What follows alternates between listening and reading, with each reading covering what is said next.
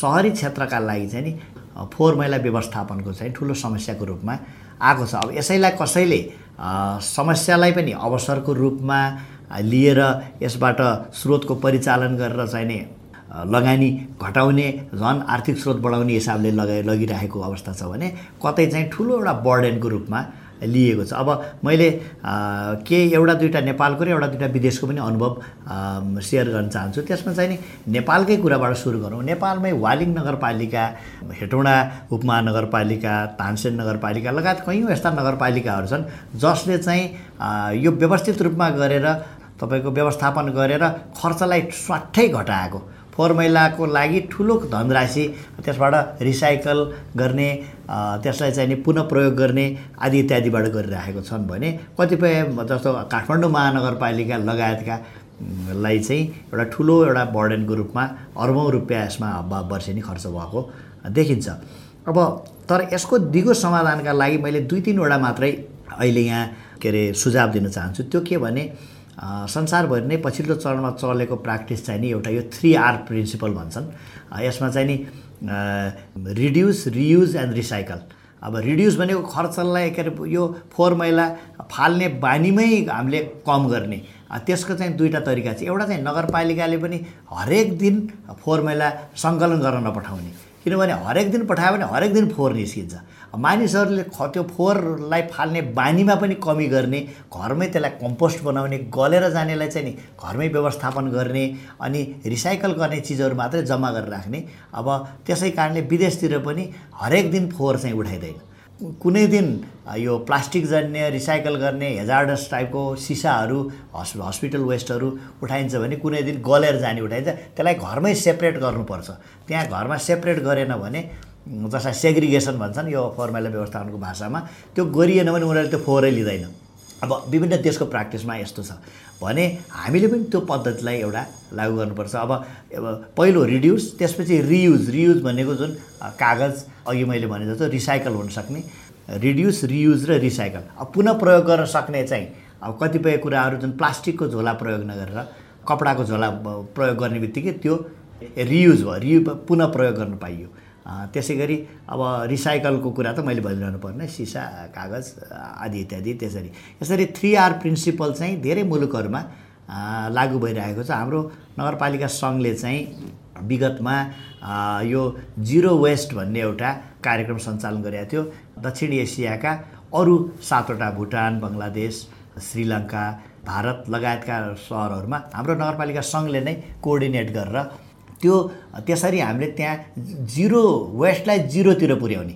त्यति बेला हामीले के सिक्यौँ भन्दाखेरि हामीलाई युरोपियन पार्टनर सिटीहरू बेल्जियम को नगरपालिका सङ्घ र अस्ट्रियाको वेस्ट प्रिभेन्सन सेन्टर अस्ट्रियाले हामीलाई दुईवटा असाध्यै नयाँ कुरा चाहिँ नि सिकाए।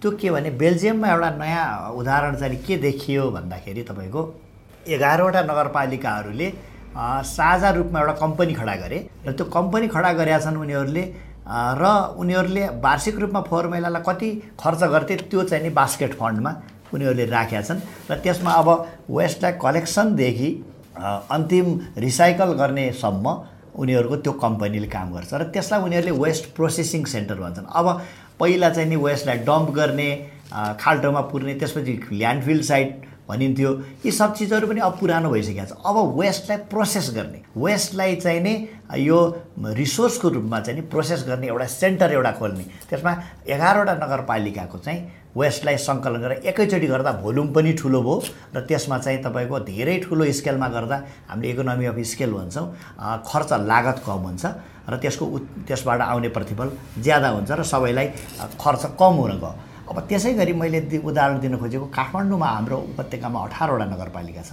त्यो नगरपालिकाहरूको साझा चुनौती अब यो खालि काठमाडौँको अहिले सिसडोल र बन्चरे डाँडाको अहिलेको कुराले मात्र यो दिगो समाधान हुँदैन। त्यस कारणले सबै मिलेर त्यसै गरी एउटा बरु कम्पनी खडा गर्ने त्यो कम्पनी खडा गरेर त्यो कम्पनीले सबैको वेस्टलाई कलेक्सन गर्ने रिसाइकल गर्न मिल्नेलाई रिसाइकल गर्ने कम्पोस्ट गर्नेलाई कम्पोस्ट गर्ने अब घर घरमा प्रोत्साहन गर्ने र घर घरमै गर्न सक्ने कुराहरूलाई त्यो पनि इन्सेन्टिभको रूपमा दिने। त्यस कारणले यो चिजमा हामीले म के भन्न चाहन्छु भने अवेरनेस इन्सेन्टिभ र पेनाल्टी यो तिनवटा चाहिँ लागु गर्नुपर्छ। पहिलो चाहिँ नि चेतना जगाउने त्यसपछि इन्सेन्टिभ भनेको जस्तो घर घरबाट फोहोर उसले घटाउँदै लैजान्छ भने उसलाई करमा निश्चित रकम चाहिने छुट दिने। त्यो भयो भने मान्छेलाई अलिकति भए पनि प्रोत्साहन मिल्छ। र अन्तमा चाहिँ कसैले जथाभावी फोहोर गर्छ भने पोल्युटर्स पे भन्ने एउटा अन्तर्राष्ट्रिय सिद्धान्त छ। फोहोर गर्नेले जरिमाना तिर्नुपर्छ त्यस कारणले पोल्युटर्स पे अनि पेनाल्टी पनि दिने यो तिनवटा चिजलाई हामीले लागू गर्न सक्यौँ भने हाम्रो सहर सफा हुन्छ। नत्र भने एउटाले फोहोर गर्दै जाने अर्कोले बढार्दै गर्ने यो यो चाहिँ नि युगौँसम्म चल्छ। कहिले पनि यसको दिगो समाधान हुँदैन। मैले स्मरण गराउन के चाहन्छु भने काठमाडौँ नगरपालिकाको जन्म नै भोटाइटी सफाइ अड्डा भनेर एउटा सहरमा हैजा फैलियो त्यति बेला। हैजा फैलिएकोलाई व्यवस्थित गर्नका लागि इन्डियातिर बसेर आएका त्यति बेलाका चाहिँ नि जर्नेलहरूले त्यो देखेपछि त्यहाँ त म्युनिसिपल म्युनिसिपालिटी म्युनिसिपल कर्पोरेसनहरूले यस्तो कामहरू गरेको देखेपछि विपद परेको व्यवस्थालाई फोहोर सफा गर्नका लागि त एउटा यस्तो अड्डा चाहिने रहेछ भनिसकेपछि भोटाइटी सफाई अड्डाको रूपमा यो चाहिँ नि खड्ग निशान लगाएर चाहिँ नि यो चाहिँ सुरु भएको इतिहास छ। त्यसपछि बिस्तार बिस्तार निर्वाचन हुने प्रक्रियाबाट नगरपालिकाको विकास हो भनेपछि पहिलो काम भनेकै सहरलाई सफा व्यवस्थित राख्ने हो। हाम्रो मौलिक हकमै भनेको छ संविधानको कि नागरिकलाई स्वच्छ हावा लिने एउटा अधिकार छ भनेर। यदि कसैले मैले स्वच्छ हावा लिने अधिकार पाइनँ भनेर अदालतमा गयो भने जनप्रतिनिधिहरू त्यसमा जवाफदेही हुनुपर्छ। त्यस कारणले गर्दाखेरि पनि यो उहाँहरूको प्राइम रेस्पोन्सिबिलिटीको रूपमा अब फेरि फोहोर मैला भनिरहँदाखेरि अहिले एउटा फिकल स्लज म्यानेजमेन्टको पनि ठुलो चुनौतीको रूपमा आएको छ। यो सेप्टिक ट्याङ्कको व्यवस्थापन। जस्तो कि सेप्टिक ट्याङ्क प्राइभेट सेक्टरले अहिले जो क्लियर गर्छ सफा गर्छ र तर उसले लगेर कहाँ फाल्छ त्यो कुरा हाम्रो नगरपालिकालाई थाहा छैन हाम्रो नागरिकलाई थाहा छैन। यो यो अत्यन्त हेजार्डस रूपमा रहेको छ भनेर हाम्रो यो चाहिँ अहिलेको वि विकासोन्मुख मुलुकहरू विशेष गरी हाम्रै छिमेकी बङ्गलादेश भारतमा ठुल्ठुलो परियोजनाहरू यसमा सुरु गरेको देखेपछि हामीले पनि नेपालमा अहिले पाँचवटा नगरपालिकाको सुरुवात गऱ्यौँ। धुलीखेल र के अरे वालिङले वालिङले त ट्रिटमेन्ट प्लान्टै बनाइसक्यो। अरू नगरपालिकाहरूले पनि सुरु गरेका छन्। अहिले चाहिँ प्रदेशको राजधानी हेडक्वार्टर जुन सहरहरू छन् ठुला सहरहरू त्यहाँको हामीले नीति बनाउने कानुन बनाउने र डिपिआरसम्मको काम गर्ने सहयोगको कामहरू सुरु गर्न लाग्छ भन्दाखेरि समग्र सहर सफा राख्नका लागि फोहोर मैला व्यवस्थापन महत्त्वपूर्ण हो। त्यसपछि फेरि अहिले फिकल सज म्यानेजमेन्टको यो विषय पनि छ। त्यस कारण यी सब विषयहरूमा हामीले निर्वाचित जनप्रतिनिधिहरूलाई हामीले चाहिँ नि हाम्रो फोहोर तह लगाउने विषयलाई मात्रै सोचेको छौँ।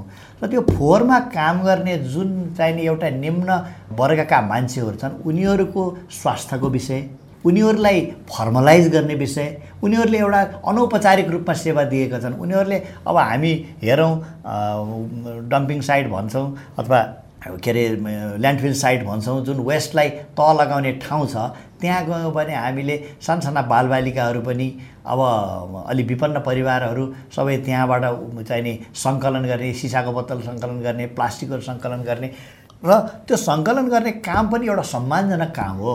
एउटा चाहिँ नि एउटा विज्ञापन आउँछ एउटा यो इन्डियन टिभीमा। के अरे उसले त्यो छोराले भन्छ पापा पापा फोहोरवाला आ गया भन्छ फोहोर उठाउनेवालालाई। अनि उसले भन्छ बेटा वो तो सफाइवाला है फोहोर वाले तो हम है। हम कचरा करते हैं और वो उठा के ले जाता है। वो तो सफाइवाला है। भनेर उसले भन्छ यति राम्रो चेतनामूलक चाहिने त्यो विषयवस्तु थियो भन्दा भन्नाले हामी फोहोर गर्छौँ। उसले त त्यो त्यो जो विपन्न वर्गको मान्छेहरू छ उसले सफाइ गरेर भने उनीहरूको चाहिने स्वास्थ्य उनीहरूलाई उनीहरूलाई आइडेन्टिटी कार्ड दिने उनीहरूको सेवाको भोलि उनीहरूलाई चाहिने भनौँ न फर्मलाइज गरेपछि भोलि उनीहरूको अहिले हामी सबै सामाजिक सुरक्षाको कुराहरू गरिराखेका छौँ। उनीहरूको पनि त पेन्सन आउनु पऱ्यो उनीहरूले जीवनभरि फोहोर उठाउने काम गरेर भनेपछि यो यो इन्फर्मल सेक्टरलाई प्राइभेट सेक्टरलाई र नगरपालिकालाई एकै ठाउँमा राखेर व्यवस्थित रूपमा गर्ने र विशेष गरी काठमाडौँ महानगरपालिकाको लागि इन्टर म्युनिसिपल कोअपरेसन भन्छ। अन्तर्नगर सहकार्य यसमा चाहिँ तपाईँले दमकलको व्यवस्थापन गर्न सक्नुहुन्छ। दमकल एउटा नगरपालिकालाई अत्यन्त खर्चिलो छ। अहिले न्युजमा आयो सात सय त्रिपन्न पालिकामध्ये दुई सय पचास हाराहारीमा मात्रै हाम्रो दमकल रहेछ। तराईका नजिकैका नगरपालिकाहरूलाई दुईवटा दमकल राखेर सबैले त्यसमा लगानी गरेर परिचालन गर्न सकिन्छ। फोहोर मैला व्यवस्थापन समग्र गर्दा मैले अघि भनिसकेँ व्यवस्थित गर्न सजिलो हुन्छ। बागमती चार पाँचवटा नगरपालिकामा बग्छ सफाइ पनि सबै मिलेर गर्नुपर्छ। भन्नाले यो अन्तर नगर सहकार्यको रूपमा गऱ्यो भने यी चिजहरू व्यवस्थित हुन्छन् होला। यो चिज अहिलेको निर्वाचित जनप्रतिनिधिहरूले ध्यानमा राखेर काम गर्नुभयो भने चाहिँ पक्कै सफलता मिल्छ। अहिले पछिल्लो चरणमा यो अर्बन सेनिटेसन जुन सहरी खानेपानी र सरसफाइको विषय चाहिँ संसारभरि एकदम पेचिलो विषय भएर आयो। खानेपानीको कुरा धेरै संसारका विभिन्न मुलुकहरूले पुरा गरे यो जुन दिगो विकासको लक्ष्यभित्र होइन? तर सरसफाइ चाहिँ पुरा गर्न सक्यो। सरसफाइ भनेको अब पानी प्रशस्त भएर हात धोएर मात्रै भएन जुन मानव मलमूत्र छ। त्यो चाहिँ हाम्रो नागरिक भएर सोच्दा हामी टोइलेटमा बसेपछि हाम्रो काम सकियो। तर नगरपालिकाको काम त्यहाँदेखि सुरु हुन्छ। नगरपालिकाले प्राय आफै यो काम गर्दैन। प्राय प्राइभेट सेक्टरहरूले किन त्यो त पैसा लाग्छ त्यो थुतेर मिल्काउँदा। अनि प्राइभेट सेक्टर इन्ट्रेस्टेड भए लगेर तर उनीहरूले कहाँ मिल्काउँछन् भन्ने कुरा चाहिँ नि वास्तवमा त्यो जानकारी खासै मान्छेहरू राख्दैन थियो। अब अलिकति कसैले चाहिँ नि नदी किनारमा फाल्थ्यो होला कसैले अलि वेस्टल्यान्डमा कसैले जङ्गलमा फ्याँक्थ्यो। तर त्यो चाहिँ नि सयौँ मान्छेले एकै ठाउँ दिशा गरेको भन्दा त्यो वेस्ट चाहिँ नि एकदमै यो वातावरणलाई प्रदूषित गर्ने रोग निम्त्याउने भन्ने कुरा अध्ययनले देखायो। त्यो कारणले गर्दाखेरि त्यसको चाहिँ एउटा प्रोसेस यसलाई यसलाई सिट फ्लो डायग्राम भन्छ। दिशाको तपाईँले टोइलेट बसेदेखि त्यसको अन्तिम विसर्जन हुनेको एउटा साइकल उनीहरूले आइडेन्टिफाई गरेर जस्तो उदाहरणको लागि सहरी क्षेत्रमा सेप्टिक ट्याङ्क हुन्छ। त्यहाँ दिशा पिसाब जम्मा हुन्छ। अब त्यसलाई निश्चित वर्षपछि जब त्यो फ्याँकिन्छ त्यो जथाभावी अहिले फ्याँक्नेको चाहिने अपोजिटमा के गर्ने त भन्दाखेरि त्यसलाई लगेर एउटा प्रशोधन केन्द्र एउटा बनाउने। त्यो प्रशोधन केन्द्र त्यति धेरै खर्चिलो पनि छैन। एउटा नगरपालिकाको लागि एक डेढ करोड रुपियाँमा त्यो चाहिँ नि बन्छ। त्यसमा चाहिँ विभिन्न च्याम्बरहरू हुन्छन्। त्यहाँ लगेर उनीहरूले त्यो खनाइ खनाइसकेपछि त्यसबाट दुई तिन चरणमा त्यो चाहिँ नि त्यसको चाहिँ भनौँ न ठोस पदार्थ र तरल पदार्थ त्यहाँ छुट्याउने एउटा प्रक्रिया छ। त्यो छुट्याउने गरिसकेपछि तपाईँको त्यो ठोसबाट चाहिँ नि मल भन्छ अब पानी चाहिँ नि त्यो बाहिर डिस्चार्ज भएर जान्छ। केही समयपछि त्यो आफै जमिनमा चाहिँ नि सोसिएर जाने हुन्छ। यसको उदाहरण हेर्नका लागि अहिले वालिङ नगरपालिका अनि बर्दियाको मधुबन नगरपालिका अनि यहाँ नजिकै उपत्यकामा चाहिँ महालक्ष्मी नगरपालिका लगायतमा त्यो ट्रिटमेन्ट प्लान्टहरू जस्तो कि फोहोर मैला जस्तो दैनिक गर्नुपर्ने चिज पनि अलि भएन। यद्यपि ठुलो सहरमा त भोल्युमका हिसाबले त डेली फ्याँकेको फ्याँकै होलान्। अब वास्तवमा काठमाडौँ महानगरलाई यो ठुलो एउटा परियोजना हुनसक्छ। यो काम कसले गरेका छ कुन कुन प्राइभेट सेक्टरले गरेको छ उसले लगेर कहाँ फालेको छ यसको व्यवस्थापन कसरी भएको छ भन्ने बारेमा त हाम्रो महानगरहरूले त सोचेकै छैन जस्तो लाग्छ मलाई। यसको लागि अहिले संसारभरि नै सेनिटेसनको कुरा गर्दाखेरि ढलभन्दा यो अत्यन्त किफायती पानी अत्यन्त कम लाग्ने। किन पानी संसारभरि कम छ? पानी कम लाग्ने र धेरै वर्षसम्म यसलाई खासै चाहिँ नि मेहनत गर्न नपर्ने। ढलको समस्या ढलको चाहिँ प्रभाव त हामीले देखेका छौँ बाँच्नु बागमती विष्णुमती देशका हरेक सहरहरूमा। यो डिस्चार्ज हुँदाखेरि त्यो त्यो कुरा पनि रोकिने। त्यस कारणले गर्दा हामीले यो फोहोर मैला व्यवस्थापन यो सहरी सरसफाइ सहरी वातावरणको कुरा गर्दा प्रा ट्रेडिसनल रूपमा हामीले पारम्परिक हिसाबले सोद्धा खालि फोहोर मैलाको व्यवस्थापन भनिरहेका थियौँ। अब अहिले फिकल स्लज म्यानेजमेन्ट र अन्य अन्य वातावरणीय यो पोल्युसन आदि त्यहाँ समग्र रूपमा हेर्नुपर्ने। अब अब हामीले बन्चारे डाँडाको मात्र समस्या छ भनेर बस्ने दिन चाहिँ नि अब छैन।